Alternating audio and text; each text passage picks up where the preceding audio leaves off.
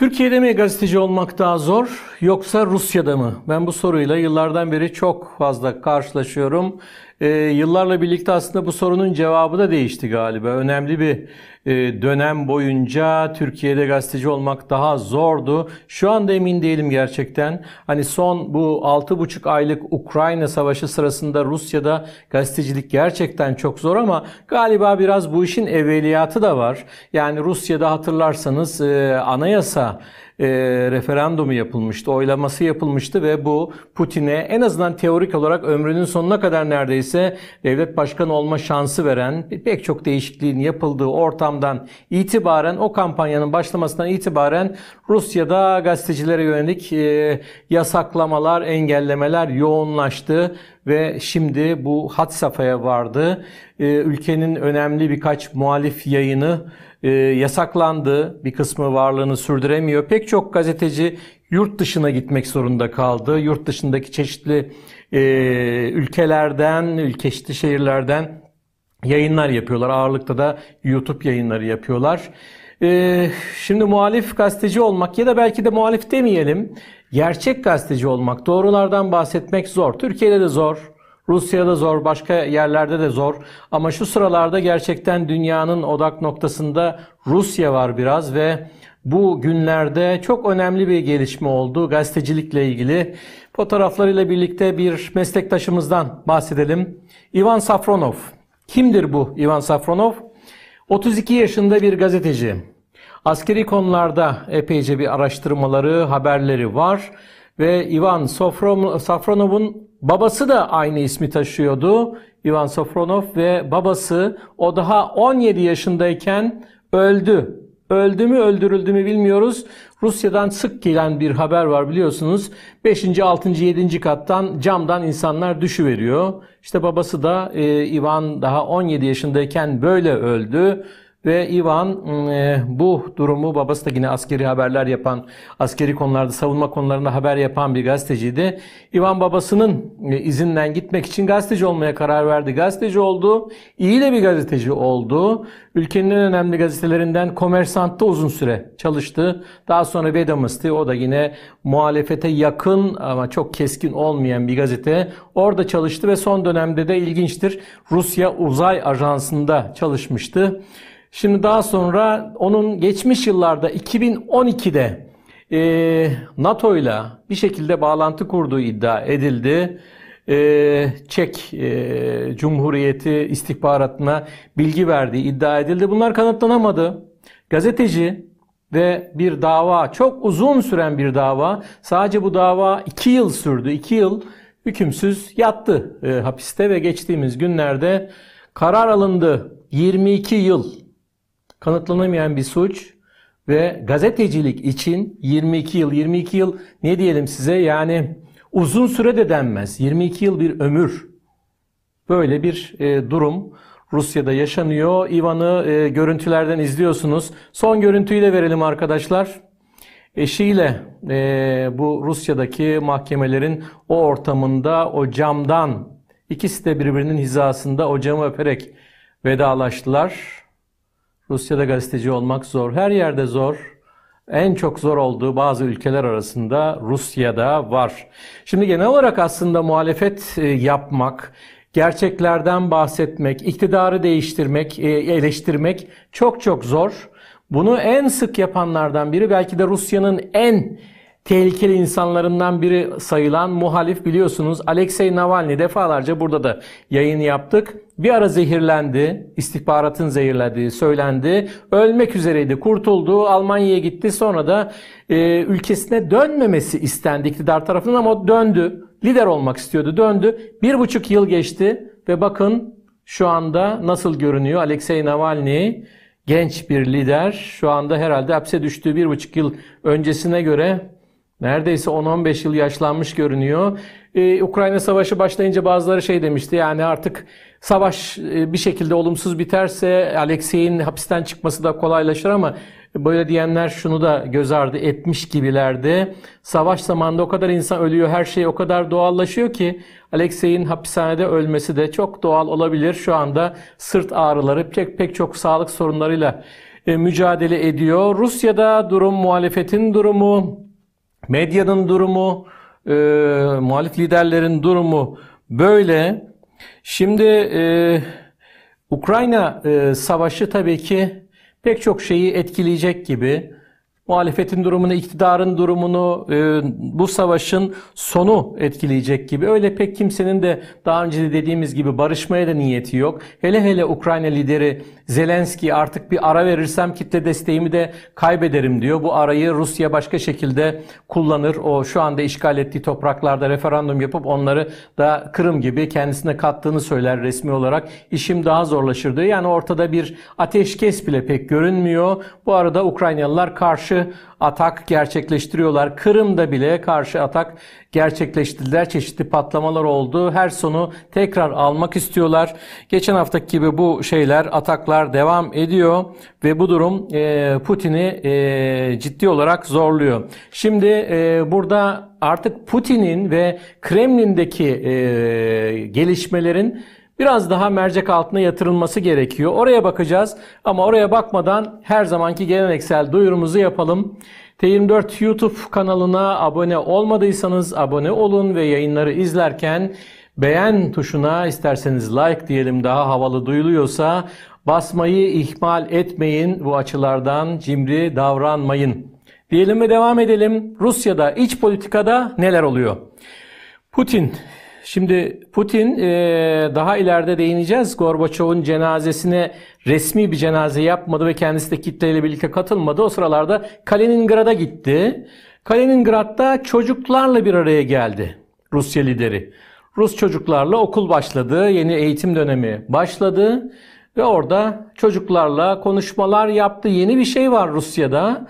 Ee, şimdi yurttaşlık, daha doğrusu vatanseverlik e, dersleri konuluyor. Ukrayna Savaşı'ndan sonra Rusya'yı sevmek ne demek, vatanı sevmek ne demek, iktidarı sevmek ne demek ve hainlik ne demek bunların anlatıldığı dersler konuyor. Çok ciddi bir eleştiri noktası da bu ama bu dersleri koydular ve işte Putin çocuklarla bir anlamda birinci dersi verdi diyelim. O da otur bir e, baş öğretmen. Böyle bir şey yaşandı ama Putin her zaman gülmüyordu. Aslında kulis haberlerine bakacak olursak daha da sıkıntılı görünüyor. Çünkü savaş iyi gitmiyor. İyi gitmeyince de işte e, bir iki ay önce çeşitli alt düzeylerde generaller görevden alınmıştı ama generallerin en üstündeki isim kimdir o? Savunma Bakanı Sergey Shoigu. Onun biraz görevi şu sıralarda en azından kulislere göre tehlikede. İşte şu anda gördüğünüz fotoğraf iyi dönemlerinde Şoygu'yla Putin'in e, tatillerinden birlikte tatil yaparlardı zaman zaman. E, birinde çekilmiş mutlu günlerden bir fotoğraf ama şu anda yaygın söylentilere göre Şoygu'ya artık pek fazla itibar etmiyor Putin. Ondan memnun değil çünkü savaşın gidişi pek iyi değil ve e, onu atlayarak değiş yerindeyse direkt olarak generallerle değişik Ukrayna'nın değişik bölgesindeki generallerle görüşüyor. Yakın zamanda Şoygu'yu görevden alacağı söyleniyor ve Şoygu giderse yerine kim gelir? Şu anda fotoğrafta gördüğünüz bir isim var. Ulusal e, Muhafızlar Ordusu diyelim.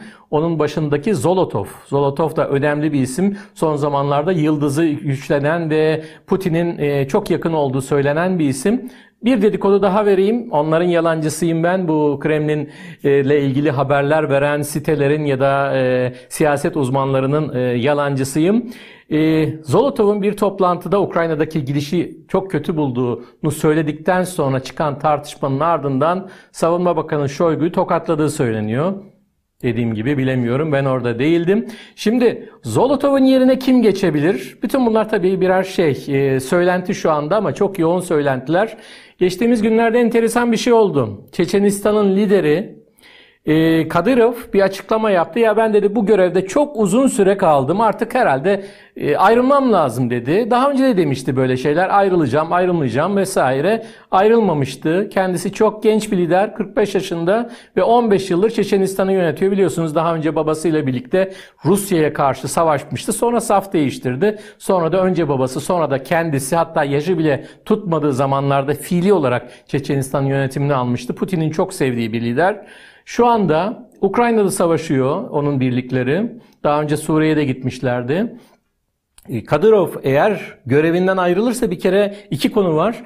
Ee, ne olacak? Bir emeklilik hayatımı yaşayacak hiç sanmıyorum. Herhalde daha üst bir noktaya gelecek. Bu örneğin demin dediğim ulusal muhafız ordusunun başına geçmek olabilir. Ama şu da var ikinci konuyu da eklemeden geçmeyeyim. Çeçenistan'a Kadyrov olmadan Putin'in hükmetmesi çok çok zor. Nasıl bir formül olacak? Kremlin'de neler dönecek? Bunu ilerleyen zamanlarda göreceğiz. Şimdi e, savaşın gidişi gerçekten de Putin'in e, oldukça zor e, seçimlerle karşı karşıya bırakıyor. E, genel yaygın kanı şu, e, Putin savaşın gidişine ve başarısına veya başarısızlığına göre e, yeni bir konum bulacak. Eğer savaş başarılı olursa ki bu biraz zorlaştı gibi e, liderliğine devam edecek. E, reytingi zaten e, %60, 70, 80 oralarda gidiyor. Artık bilmiyorum %100'ü de geçecek mi resmi şeylere göre, verilere göre. E, ama e, savaşın gidişinde şimdi son dönemlerde olduğu gibi bir tekleme sürerse Putin'in başka hamleler hazırladığı söyleniyor. Dedikodu o kadar çok ki. Yani niye bu kadar dedikodu ve söylenti veriyoruz bu yayında? Çünkü e, haber yok. Haber yok, sansür var ve söylentilere bazen e, kulak asmak, dikkat etmek zorunda kalıyoruz. E, Rusya'daki de durum başka benzeri ülkeler gibi e, böyle söylentiler o anlamda önemli. Bir kere tabii ki Putin'in sağlık sorunlarından, kanser olduğundan vesaire bahsedenler çok. E, Putin'e karşı darbe yapılacağını söyleyenler var. Ben böyle bir işaret görmüyorum açıkçası. Bu bazı Batılıların çıkardığı daha çok bir şey. Böyle bir şeyin olması çok çok zor. Ve nihayet Putin'in aklında bir plan olduğu söyleniyor. Eğer doğru ise bu planda Putin'in bilerek, isteyerek ve zamanlamasını kendisi yaparak görevi bir başkasına devretmesi. Yani ne olacak? Putin görevi bir başkasına beğendiği, güvendiği bir diyelim birisine devredecek ve Rusya'yı bundan sonra o lider yönetecek. Bunu yakın zamanlarda da yapabilir söylentiye göre. Bunu 2024 seçimleri arifesinde de yapabilir veya o seçimlere Putin'in adayı, adayı sayılan birisi katılabilir. Kim olabilir Rusya'nın lideri? Şu ya da bu seçenekte Putin'in başına bir şey gelmesi, ayrılması, devrilmesi vesaire durumunda çok isim var. Bunları saymakla bitmez gerçekten ama en çok telaffuz eden isimlerden biri kuşkusuz Başbakan Mishustin. Biraz silik birisi gibi ama en azından hata yapmıyor. Pek fazla konuşmuyor. Başbakan Mishustin, Moskova Belediye Başkanı Sabyanin, e, Başkanlık Danışma Konseyi'ndeki etkili isimlerden Sergey Kiriyenko, Lukashenko ve başka bir takım isimler var. Yani söylenti tarafı işin oldukça zengin. Şimdi gelelim e, gelelim Gorbaçov'un e, cenazesine. Şimdi Gorbaçov'la ilgili geçen hafta biliyorsunuz e, bir ufak da olsa bir bölüm yayın yapmıştık. Yayınımızın başında Gorbaçov'a yer verip kısaca yorumlamıştık. Daha sonra ben yazıda yazmıştım daha uzun bir değerlendirme için. Ondan sonra Gorbaçov'un cenazesi kalktı. Ama cenazesi kalkmadan bir gün önce çok ilginç bir şey oldu. Benim ilk kez gördüğüm bir şey. Cenazesi kalkacak olan devlet liderinin Gorbaçov'un e, hastanedeki e, naaşının önüne Putin geldi. Sadece Putin tek başına geldi. Çiçek bıraktı. Saygı duruşunda bulundu. Görüyorsunuz fotoğrafı. Ve gitti. Tek kişilik bir tören. Böyle bir şey daha önce hiç görmemiştim. Niye böyle yaptı Putin? Tabii bu yorumu açık. Benim yorumum şu, Putin Gorbaçov'u hiç sevmezdi. Gorbaçov'un politikaları ve Putin'in politikaları tam ters birbirinden tezat. Ama devlete ve devlet başkanlığı makamına saygısını bu şekilde gösterdi ama araya da bir mesafe koymak istedi. Ee, aynı zamanda bu şeyde e, cenaze töreninde halkla birlikte olmak, istemediği gibi ona tam anlamıyla bir resmi cenaze de yaptırmadı aslında. Resmi ögeleri var falan diye Peskov, onun sözcüsü Götür ilginç bir açıklama yaptı.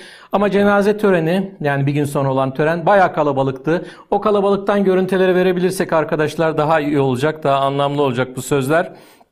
Çok sayıda insan geldi. Gorbaçov'un e, Gorbaçov'la vedalaşma törenine e, gördüğünüz gibi o binanın üzerine de böyle Latin harfiyle Z bu neredeyse bir şey savaşın işareti sayılıyor. Rus alfabesinde olmayan Latin Z.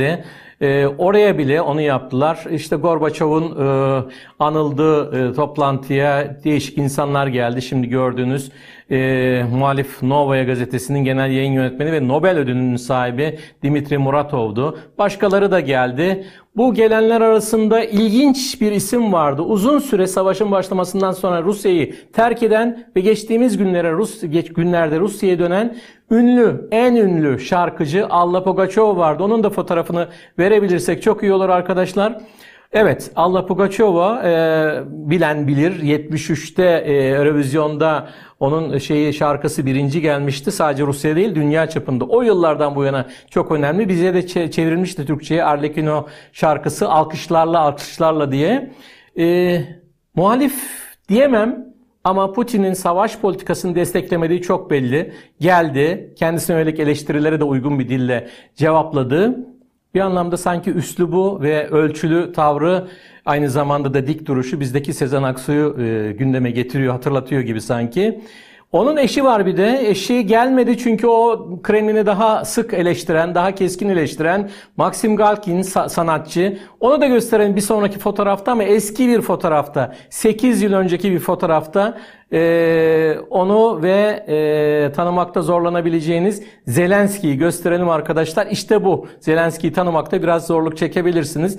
O da eski bir sanatçı, e, şov sanatçısı. E, o gelmedi. Çok tartışmalar oldu. E, bu tartışmada tartışmalar sırasında şunu söylemek lazım. Gorbaçov'a gösterilen bu kadar ilginin gerisinde muhalefetin yıllar sonra Gorbaçov'un hem iç siyasette e, açıklıkla, demokratikleşmeyle daha yumuşak yöntemleri seçmesi hem de dış politikada uzlaşmacı, barışçı bir tavırdan gitmesi, savaşa karşı çıkması, Afgan Savaşı'nı bitirmesi bütün bunlar tekrar gündeme geldi. Niye biliyor musunuz? Çünkü bugün Rusya'da hem demokratikleşme hem açıklık hem dış politikada barışçılık vesaire yaklaşımlar bütün bunlar açısından tam tezat bir durum var. Ve yaygın bir şey söyleyeyim yine Rus yorumcuların bir kısmının çok sık e, yaptığı değerlendirme.